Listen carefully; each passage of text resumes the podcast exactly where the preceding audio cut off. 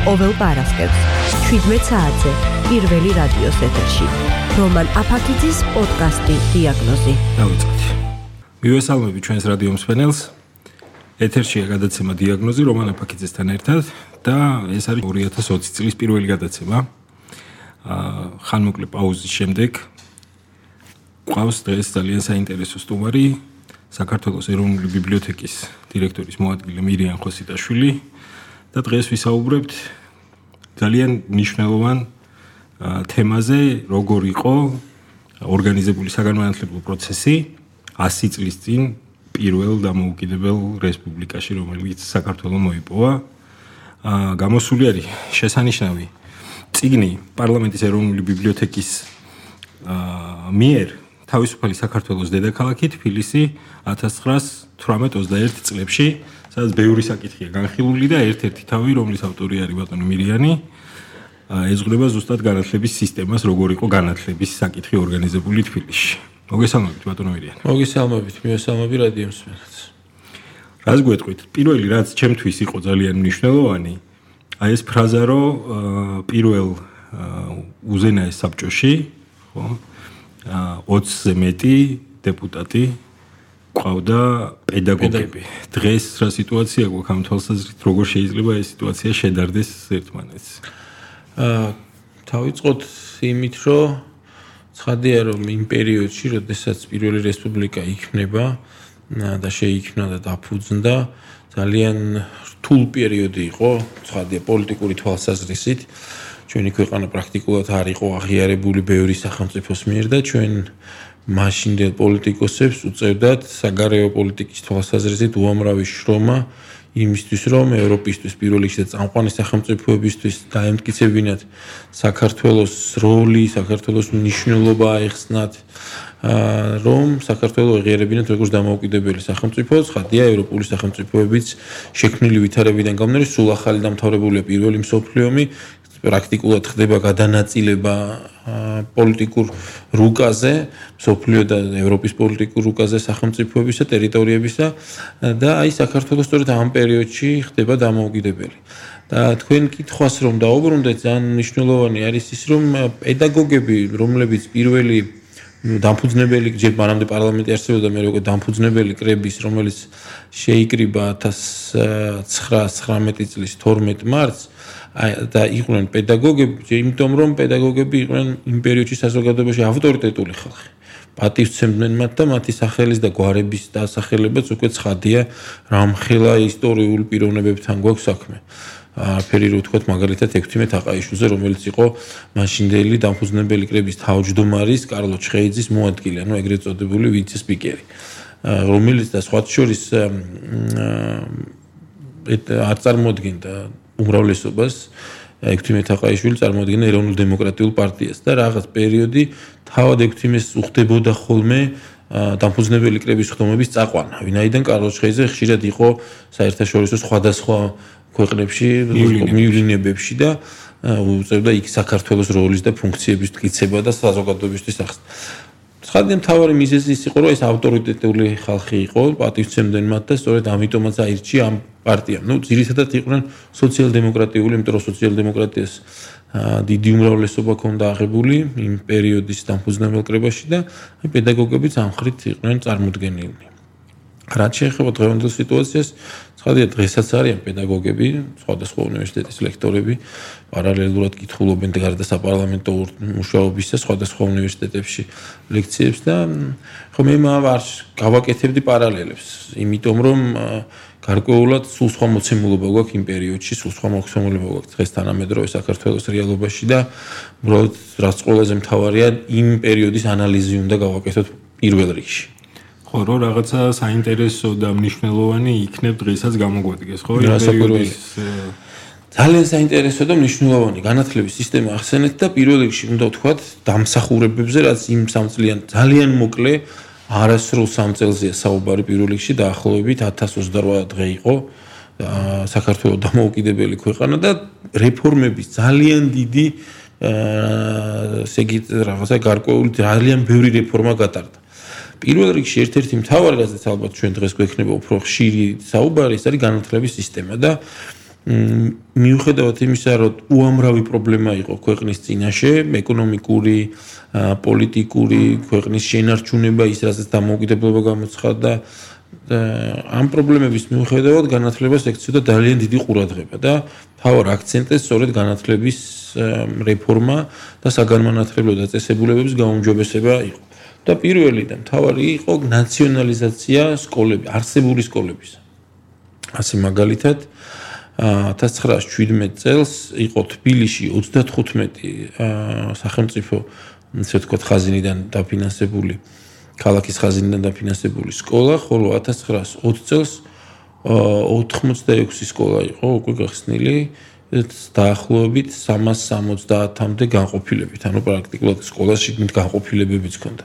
და რაც ყველაზე მთავარია, სრული გაქართულება ხდება. მოგეხსენებათ, მანამდელ პერიოდში თავარი წამყვანი ენა იყო რუსული ენა, სწავლება ხდებოდა რუსულ ენაზე, ქართულიც იყო ცხადია პარალელურად, მაგრამ ძირითადი ენა იყო რუსული. ხოლო შემდეგ ჩაანაცვლა ქართულმა ენამ. და ეს იყო მკაცრი მოთხოვნა. ასევე საინტერესო ამბავი არის ის, რომ მაგალითად მანამდე ისწავლებოდა უცხოენებიდან კლასიკური ენები, ეს იყო ბერძნული, ლათინური, იყო სპარსულიც, არაბულიც ისწავლებოდა, მაგრამ აი როგორც კი დამოუკიდებელი სახელმწიფო გამოცხადდა და დაიწყო რეფორმა, სამი ministri გამოიწვია სხვათა შორის იმ მოკლე პერიოდში განათლების სისტემა, მაგაც აი აქ პარალელია. ხო და აა მაგრამ განათლების, საგანმანათლებლო ხაზი პრაქტიკულად უცვლელი რჩებოდა და გზარითიც დაიწყეს და აი საინტერესო არის რომ შემოაქვთ უკვე თანამედროვე ინგლისური, ფრანგული, გერმანული, ევროპული ენები თანამედროვე მიხვდნენ ის ადამიანები, რომ კლასიკური ბერძნული სწავლება იქნებოდა სასარგებლო საგანმანათლებლო სისტემაში და 4 საფეხურიანი სკოლები შექმნეს. ანუ სრული რეორგანიზაცია ხდება საგანმანათლებლო სისტემის. ხო, აი ეს ძალიან საინტერესო ან იყო რაღაც აუცილებელი პირველი ეს პირველი საფეხური ხო, სადაც წერა კითხვა უნდა შეესწავლა. დაწყებითი დაწყებითი სკოლა იყო ხო ამას? კი. და მე იყო სამი სამი ეტაპი. კი. მე 4 კლასამდე იქ თუ თორსები 4 წელი, მე კიდე 4 წელი და მე კიდე უკვე აი ეს რაღაც. კი, და საშუალო განათლება. საშუალო განათლება. კი, და შემდეგ უკვე მე გადადიოდა პროფესიულზე და უმაღლეს განათლების საფეხურზე. და აი ამითაც არის ეს პერიოდი ძალიან საინტერესო და საკვლევი, რომ პროფესიულ განათლებას ექცევა ძალიან დიდი ყურადღება. ისეთ განათლებას, ну, მანამდეც არსებობდა ცხადიან პროფესიული ინსტიტუტები, მაგრამ აი დიდი აქცენტი გაკეთდა მაგალითად პედაგოგიური ინსტიტუტი იქნება დამოუკიდებლობის პერიოდში, სადაც უკვე ახალი პედაგოგების ნაკადი გამოდის. აა იქნება მაგალითად ძალიან საინტერესო რკინიგზელთა ინსტიტუტი, სადაც უკვე თელი კავკასიის მასშტაბით ერთადერთი რკინიგზელთა სასწავლებელი, რომელიც პრაქტიკულად აი აქ თბილისში დამთავრებული პროფესიონალები ემსახურებოდნენ რკინიგზას. და მოგეხსენებათ, რკინიგზას რამხელა მნიშვნელობა ჰქონდა, იქიდან გამომდინარე უკვე ნავთობის გადატანა ხდებოდა მატარებლებით და აი ბაქო, თბილისიდან მე ბათუმში გასვლა და ასე შემდეგ.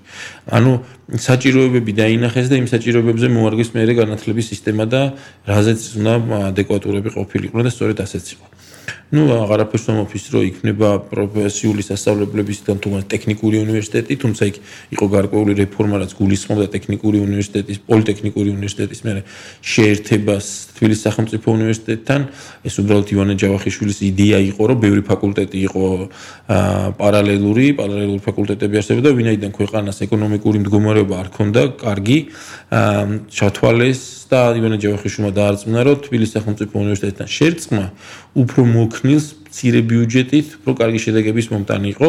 გარკვეული პერიოდი ეს ერთ თბილისის სახელმწიფო უნივერსიტეტთან ეს თანაარსებობდა ესე რომ ვთქვათ, მაგრამ მე უკვე დაახლოებით 24 წელს უკვე გამოიყო ისევ და დამოუკიდებელი აა ესე იგი საგანმანათლებლო მუშაობა გააგრძელა. ასევე ნიშნულოვანი ამბავია ცოტა ადრე გაიხსნა, მაგრამ ყოველ შემთხვევაში დამოუკიდებლობის პერიოდში გააგრძელა თუნდაც კონსერვატორია, თბილისის კონსერვატორია იხსნება და თელი აი სამშაო ამბები იყო. მაშინ ჯერ კონსერვატორია არის. არის კონსერვატორია და ერქვა 1924 წელს. ხო, მანამდე რაღაც სამუსიკო სამუსიკო სასწავლებელი იყო, თბილისის სამუსიკო სასწავლებელი იყო და ნუ ცხადია ესეც ამნიშნულოვანი. ზოგადად აი რახან ჩამოვარდა სიტყვა და საუბრობს თბილისზე, უნდა ვთქვათ, რომ აი განსხვავებული ელფერი შეიძინა აი ამ პერიოდში. როგორც განათლება, მისე აა თქვათ ყოფითმა ცხოვრება, ყოფა ცხოვრებამ და ყოფითმა ამბებმა ქალაქის. ჩვენ გვახსოვს ეს განსხვავებული თბილისი, რაღაცა წარმოქმნა აქვს საზოგადოებას, ძველი თბილისის ცხოვრება, ყარაჩოხელები, კინტოები და თურთული, მაგრამ ახლა უკვე აბსოლუტურად სხვა რელსებზე გადადის ქვეყანაც და ქალაქიც. და მარტო თბილისში არ იყო თავმოყრილი სასწავლებლები. არსებობდა პროფესიული სასწავლებლები ქუთაისში, ბათუმში, მაგალითად ხონშიც არსებობდა პროფესიული სასწავლებელი გორში. და ნუ აი მაგრამ ძირითადად თავშეყრის და თავმოყრის ადგილი მაინც დედაქალაქია და კიდემ გამო ეს მომეწონა აქვს. აი ეს მოძრავი სკოლების იდეა. აი ამაზე თუ შეგიძლია რომ როგორ როგორ როგორ იყო ეს ხო ეს არ იყო ეს უბრალოდ რაღაცა გარკვეული პროექტები ესე რომ თქვა და საგანმანათლებლო იდეას ატარებდა მაგრამ სანამ აქამდე მივალ ერთი ძალიან საინტერესო ამბავია რომ ძალიან დიდი ყურადღებას უთმობდნენ ეკონომიკურად შეჭირებულ ოჯახებს. და სახელმწიფო ბიუჯეტმა რამოდენიმეჯერ გამოყო კიდეც თანხა რომ ტანსაცმელი და ლიტერატურა შეეძინათ ისეთი გენიჭიერი ბავშვებისთვის რომლებიც კარგი მოსწრება ქონდათ კარგად სწავლობდნენ მაგრამ ოჯახები იყო გაჭირვებული ძალიან რთულ სიტუაციაში იყვნენ მასწავლებლები, იმიტომ რომ დაბალი იყო ხელფასი, სამუშაო იყო რთული და მაგალითად ხა იანვარია და სწორედ იანვრის თვეში აა იკრიბება მასწავლებელთა პირველი კონფერენცია, კონგრესი თბილისში. და იყო ძალიან დიდი კონგრესი, სადაც იყო გამოთქვეს და ამაზე იმ პერიოდის პრესა კარგი გამოხმაურება აქვს და წერდა მიმდინარე მოვლენებს განიხილა და ასე ვთქვათ გააშუქა მთლიანად ეს კონგრესის ამბები, სადაც ამ პრობლემებზე იყილებოდა პრობლემებზე იყო საუბარი და შექმნეს პროფესიული კავშირები. პედაგოგებმა სხვადასხვა პროფესიების მიმართებით რომ დაეცვათ საკუთარი თავი რომ უფრო მეტი დაფინანსება მოეთხოვათ სახელმწიფოს მხრიდან იყო დახმარება და ახლობით იმ კონგრესისათვის დაახლოებით 90000 მანეთამდე გამოიყო თანხა და სახმარებლად და ეს აქტიურობა ერთგვარად თან სოლიდარობასაც გულისხმობდა. და ნუ ეს თბილისის კონგრესი ერთ-ერთი გამორჩეული ამბავია, მოკლედ როგორ შეიძლება მასშტაბლებმა რომ სახელმწიფოს შეახსენეს თავიანთი ვალდებულებები, არ ჭირდებოდა შეხსენება, მაგრამ უფრო აქტიურად შემოუძახეს დახმარებისკენ. ხო, ეს მნიშვნელოვანი მომენტია ჩემი აზრით, რომ საზოგადოების პირდაპირი მონაწილეობა თუნდაც იმით რომ იქ 26-20-ზე მეტი პედაგოგი იყო უმაღლეს საბჭოში ხო და ასე შემდეგ ჩანს რომ უფრო აქტიური იყო საზოგადოება და უფრო მეტი წონა ჰქონდა საზოგადოების ხმას იმ პერიოდში რა იმაზე თუ რა უნდა გაკეთებულიყო ვიდრე ეს დღეს არის ესეთი შტაბის-ტილება მრჩება მე მე მომეწონა დაუბრუნდები ამ მოძრავი სკოლების საკითხს. ანუ ეს იყო რაღაცა მცირედ დასახლებული სკოლებისთვის, და უბნებისთვის. უბნებისთვის, ხო? სადაც სკოლა არ არსებობდა, სადაც საშუალო სკოლები არ იყო და მცირედ დასახლებული სკოლები. ერთი საინტერესო ამბავი აქვს მოძრავ სკოლებთან ერთად, სადაც განათლების დონე იყო საინტერესო ის არის, რომ პირველი რესპუბლიკის სტატისტიკა არსებობს წერა-კითხვის ცოდნი ადამიანისთვის და თქვენ წარმოიდგინეთ საქართველოს წერა-კითხვის ცოდნეთა რაოდენობა ყველაზე მეტი იყო ოზურგეთში. რაღაც უცნაური. ხო, ну ასეთი ამბავი იყო, რომ ყველაზე მეტი წერა-კითხვის ცოდნი ადამიანი პროცენტულად, რა თქმა უნდა, ესე იგი იყო ოზურგეთის მუნიციპალიტეტში, ხანდელი გადასახეთნენ და ოლქში, ესე თქვა. რითი იყო ეს გამო? უცნაურია, მაგრამ საერთოდ როგორ არის, რომ აა ეკონომიკურად შეჭირვებულ მხარეებში ხშირ შემთხვევაში თუ დავაკვირდებით ამ ამბოს და ანალიზს გავაკეთებ, სწავლის მიმართ უფრო მეტად აქტიური ახალგაზრდები არიან და ყურადღებას უთმობენ სწავლა განათლებას, სადაც იქ ვიდრე ზოგიერთ მხარეში, სადაც მეტი მოსავალია, სოფლის მეურნეობა განვითარებული ადამიანებს შეუძლიათ, რომ არც თუ ისე დიდი შრომითა და გარჯით თავიანთი სარჩო მოიპოვონ, აი იქ შედარებით არის ხოლმე ნაკლები და სტატისტიკა ზუსტად ამას გვიჩვენებს. 1921 წლამდე უკვე 1600 სკოლა არსებობდა ქვეყანაში, თლიანად ქვეყანაში. ეს მოძრავი სკოლების იდეა სწორედ ეს არის, რომ რეგიონებში, სადაც არ იყო სკოლა და მოსახლეობა შედარებით მცირე იყო, მიჩადიოდნენ, იყო ესეთი საგანმანათლებლო ამბავი. და ძალიან საინტერესო. თუმცა ეს არ იყო სრულფასოვანი სწავლებისთვის რა ქვია, აუცილებელი და საკმარისი. აჰა. ერთი უნდა ვთქვათ, როცა განათლების სისტემას ვეხებით, რომ თქვენ მოგეხსენებათ თბილისშიც და საქართველოს სხვა რეგიონებშიც ეთნიკური უმცირესობები საკმაოდ მეტი ცხოვრობდნენ და მაგალითად სომხური მოსახლეობა თბილისში დიდი რაოდენობით იყო. ამას ჰქონდა რამოდენიმე მიზეზი, მაგრამ სანამ ამ ეთნიკური უმცირესობების საკითხზე გადავალ, ვიტყვი საგანმანათლებლო თვალსაზრისით რა გავლენა ჰქონდა. მიუხედავად იმისა, რომ ხდება ნაციონალიზაცია და იმ პერიოდის პირველი რესპუბლიკის მთავრობას შემოაქვს ქართული ენის ცოდნა, პარალელურად იგი არ უკრძალავს და არ ზღუდავს საკუთარ ენაზე სწავლებას და თბილისში არსებობდა სომხურენოვანი, რუსულენოვანი სკოლები, შეიქმნა გერმანელთა გიმნაზია, იმიტომ რომ გერმანელები ცხოვრობდნენ თბილისში საკმაო რაოდენობით, სპეციალური გიმნაზია, ებრაელთა სასწავლებელი შეიქმნა, პროფესიული სასწავლებლებიც კი გააკეთეს მათ და სახელმწიფოს მხრიდან, აი თუნდაც გერმანელთა გიმნაზიას ხაზინიდან აფინანსებდნენ. და ხაზინა იყო ხარდამჭერი, ну ეგრე რომ ვთქვა, ბიუჯეტიდან, სახელმწიფო ბიუჯეტიდან ფინანსდებოდა. ну ესეც იყო ხელშეწყობა მათ მიმართ. ასევე რელიგიურ უმცირესობებთან დაკავშირებით არსებობდა რელიგიური სკოლები სხვადასხვა კონფესიების და არც ერთი სკოლის მუშაობა არ შეზღუდულა პირიქით ფინანსურად ეხმარებოდნენ ხომ.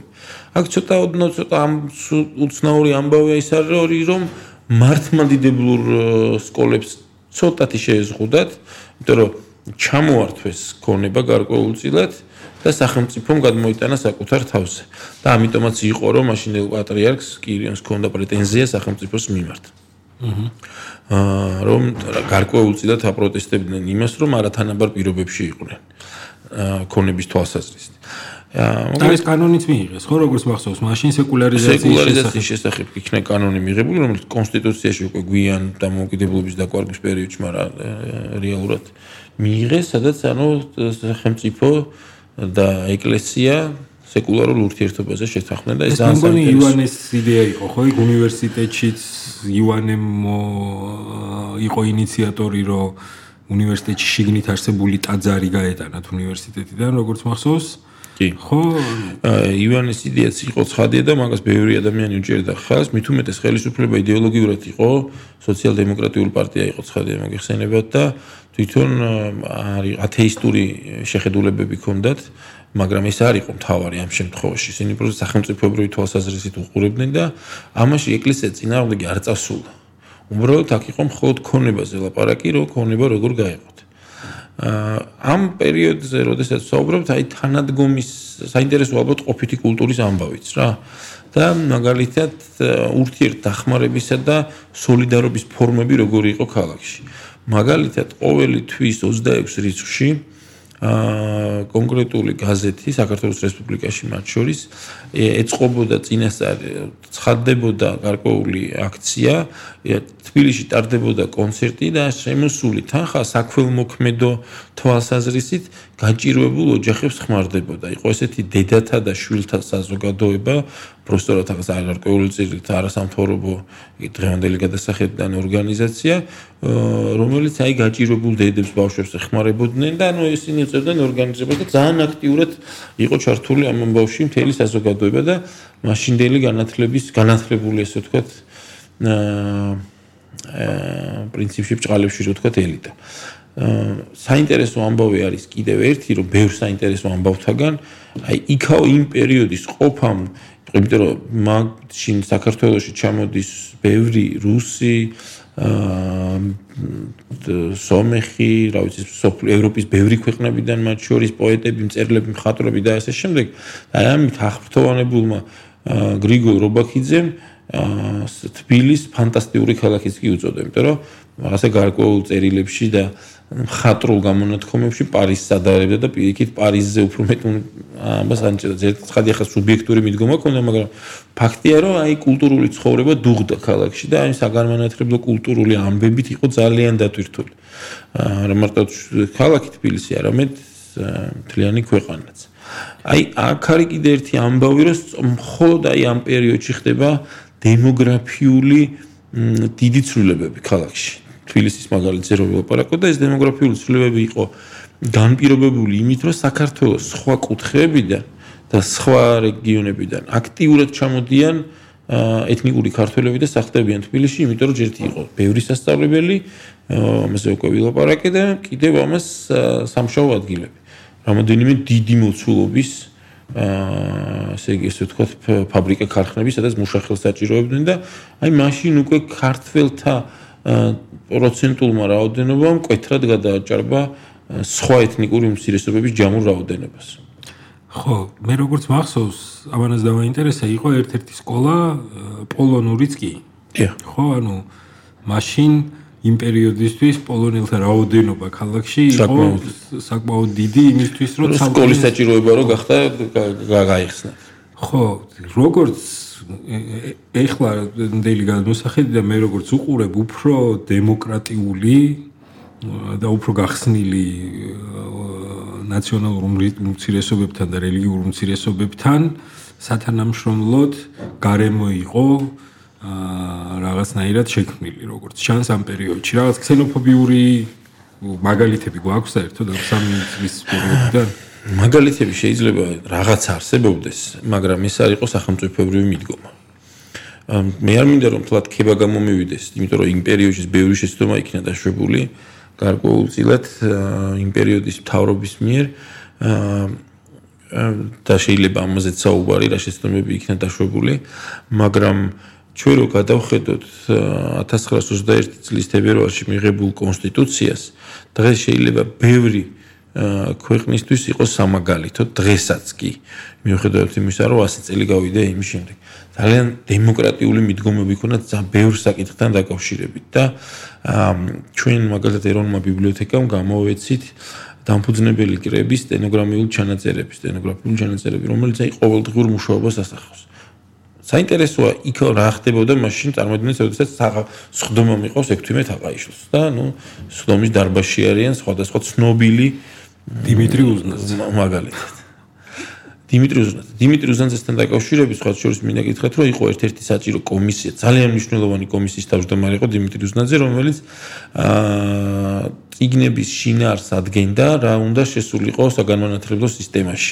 არჩევდნენ ციგნებს და ამტკიცებდა ეს კომისია ოფიციალურად სასწავლო გეგმას კი. და თვითონ შინაარსი რა შინაარსი თუნდა ეს ახალი გეგმაც გვაქვს ამ მიმართულებით ამასაც შეიძლება გისაუბროთ. აა და აი ამ კომისიამ ძალიან ბევრი კარგი საქმე გააკეთა, იმიტომ რომ სწავლების მეთოდოლოგია და ციგნების შინაარსი იყო მორგებული იმ პერიოდზე ძალიან კარგად. და შედარებით გაუმარტივეს სწავლა იმ პერიოდის, მათ შორის ამ კომისიის დამსახურება იყო თუნდაც ის, რომ თანამედროვე იმ პერიოდის თანამედროვე ევროპული ენები შეისწავლეს უცხოენათა სწავლების ფორმატში. და ესეც იმ კომისიის დამსახურება. აა ესეც უზნაძის ინიციატივა იყო, რომ კომისიის მუშაობის და თავრობის მიდგომა და ნუ ამ კომისიამ ეს მოიწონა, იმსჯელეს, იმუშავეს ამ თემაზე.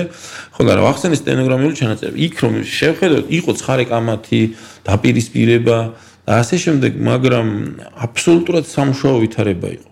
თავარი რა მინდა გითხრათ, რომ ოპოზიციაში იყო იმ პერიოდში და ეროვნულ დემოკრატები, აა სოციალ-ფედერალისტები ორი ეთნიკური უმცირესობის აზერბაიჯანელებისა და სომხების პარტიას მათ შორის წარმომადგენლები ყავდათ და ეს ცხარე კამათი იზრდებოდა და ამით მე ყველაზე მთავარი არის რომ ქონდათ თავიანთი პოლიტიკური პრესა საქართველოს რესპუბლიკა იყო სოციალ-დემოკრატების ოფიციალური ორგანო, გაზეთი, რომელიცაც რომელშიც იწერებოდა სამთავრობო პროგრამები ყოველდღიურ ამბებს ასახავდნენ, ცხადე ის უფრო შეძლებული და ძლიერი იყო გასაგები მიზეზების გამო, მაგრამ აი ქონდათ ასევე ეროვნულ დემოკრატებს და სოციალ-ფედერალისტებს თავისი გამოსაგამოცემ.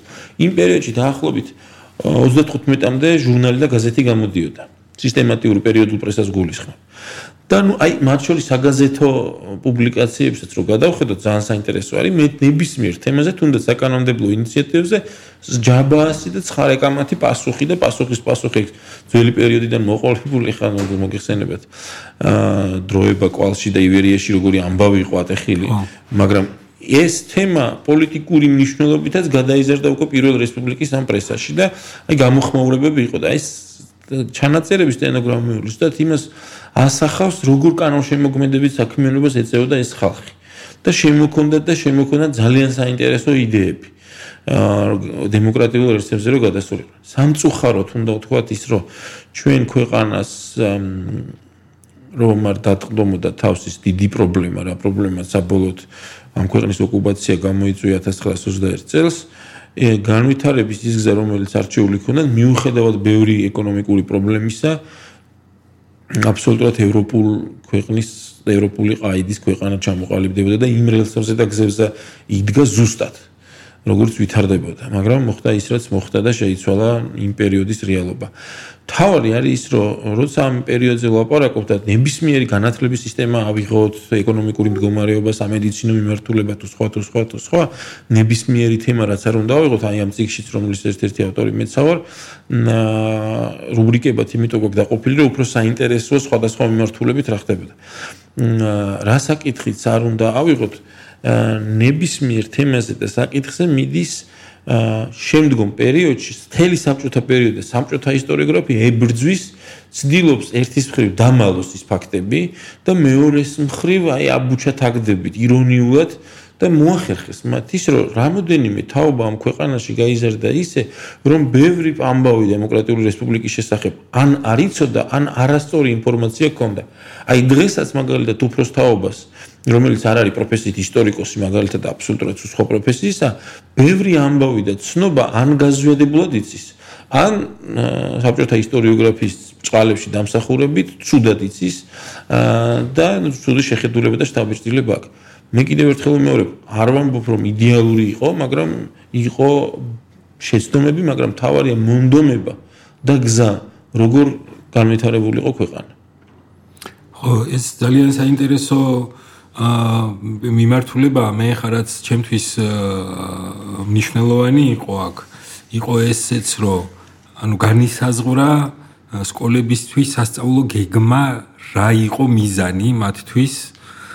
ხო ეს გიწერი აქ რომ მაქსიმალური დამოუკიდებლობისთვის აა შეეწყოთ ხელი პიროვნების მაქსიმალური დამოუკიდებლობისთვის სოციალური ინერციით. ხო რაღაც ანუ რაღაც იყო მაშინ ისეთი მე მგონი პასუხისმგებლობის გრძნობა უფრო მეტი იმ ხალხის ვინც საქვეყნო საქმეს აკეთებდა იმ საქმის მიმართ რომელსაც აკეთებდნენ. მე მგონი ეს გვაქვს ძირითადი სასწაული მათგან და მაქსიმალურად ცდილობდნენ რომ რაღაცა პროფესიონალური მიდგომა ქონოდათ და არ ჩამორჩენოდნენ თანამედროვე მსოფლიოს იმ დროისთვის თანამედროვე მსოფლიოს რაღაც მოთხოვნებს თუ სტანდარტებს, რომლებსაც ისინი აწესებდნენ თავიანთ ქვეყნებში. ამაზე აქ ამ წიგნში არ ვიცი, შეიძლება შემხვდეს გაქვს შენა კუცხოილებზე საქართველოს ხო? რამდენი ადამიანი მონაწილეობდა თუნდაც საგანმანათლებლო სივრცეში ხმარტო რობერტ ბლეიკი რო ვახსენოთ თბილისის სახელმწიფო უნივერსიტეტისთვის ესეც მე ჰარვარდის უნივერსიტეტის პროფესორი და ასე შემდეგ. ამ ამ თვალსაზრისით რა რა ის რა რა სიტუაცია გქონდა? რო ვის იწევდნენ და ჯერ ერთი დავიწყოთ იქიდან რომ თუნდაც საგანმანათლებლო სისტემის მონაწილე ქართველებს აბსოლუტურ უმრავლესობას უცხოეთში ქონდათ მიღებული განათლება. იქაური განათლების ხალხი ჩამოვიდა, ბევრს იქ უფრო წარმატებული კარიერა ხა არ გვეყოფა სასაუბროთ ის პერიოდი ძალიან დიდი დრო უნდა დაუთმოთ თითოეულის ბიოგრაფია რო ახსნათ, მაგრამ უნდა ვთქვათ ერთი რამ. ისინი ევროპაში აიწყობდნენ შესანიშნავ კარიერას და ბევრმა ეს გააკეთა კიდეც. მაგრამ ჩამოვიდნენ აქ ბევრი მათგანი თუნდაც პეტრე მელიქიშვილი მაგალითად ფანავი სხვა უამრავი ადამიანი რომლებიც იქ მიღებული ცოდნა და განათლება მოახმარეს ქვეყანას. ლაიფციგის უნივერსიტეტის კურსდამთავრებული იყო იგივე უზნაძე. კი ბატონო. აა დამოუკიდებლობას უსწრებდა დიდი ოცნების ასრულება რომელიც იყო 1918 წლის 27 იანვარს თბილისის სახელმწიფო უნივერსიტეტის გახსნა მანამდეც მუდმივი მცდელობა იყო რომ უნივერსიტეტი გაიხსნათ, მოგეხსენებათ, მაგრამ ცდილობდნენ რომ ეს არ იყო ქარსარ ყოფილიყო ქართული უნივერსიტეტი და მუდმივი მცდელობა იყო რომ მე მოუთხოვნა მაგალითად როცა ახალი თაობა ილიას თაობა ითხოვდა რომ გაიხსნათ უნივერსიტეტი ქართული. მეფის რუსეთის დროს მანამდელ პერიოდს გულისხმობ ცხადია მოთხოვნა იყო ხელს უშლიდნენ და ცდილობდნენ რომ არა უნივერსიტეტი არა მაგრამ სამხედრო სასწავლებელი გავაკეთოთ ორბელიანიზმი რომ კი ბატონო უბრალოდ ის უნდა დამესახელებინა სამხედრო სასწავლებელი სხვა. რატო? იმიტომ რომ მარტივი იყო განათლებულ საზოგადოებას ადამიანებს, რომლებსაც აქვს საშუალება რომ ეს ევროპული განათლების სისტემა კარგად შეითვისონ და გამოიყენონ მეરે უკვე მეტი მეტი მოთხოვნებით და მართლობის ფორმა უკვე სხვა აბსოლუტურად ის რაც თქვა პირველ რესპუბლიკის პერიოდში მიიღეს. აი რა თავარი ამბავი რა არის რომ ჩვენს გარშემო ჩვენ ბოლოს ოკუპაცია როცა ქვეყნისა მოახდინეს და წითელები შემოვიდნენ ქვეყანაში პრაქტიკულად ვიყავით სრულ ალყაში.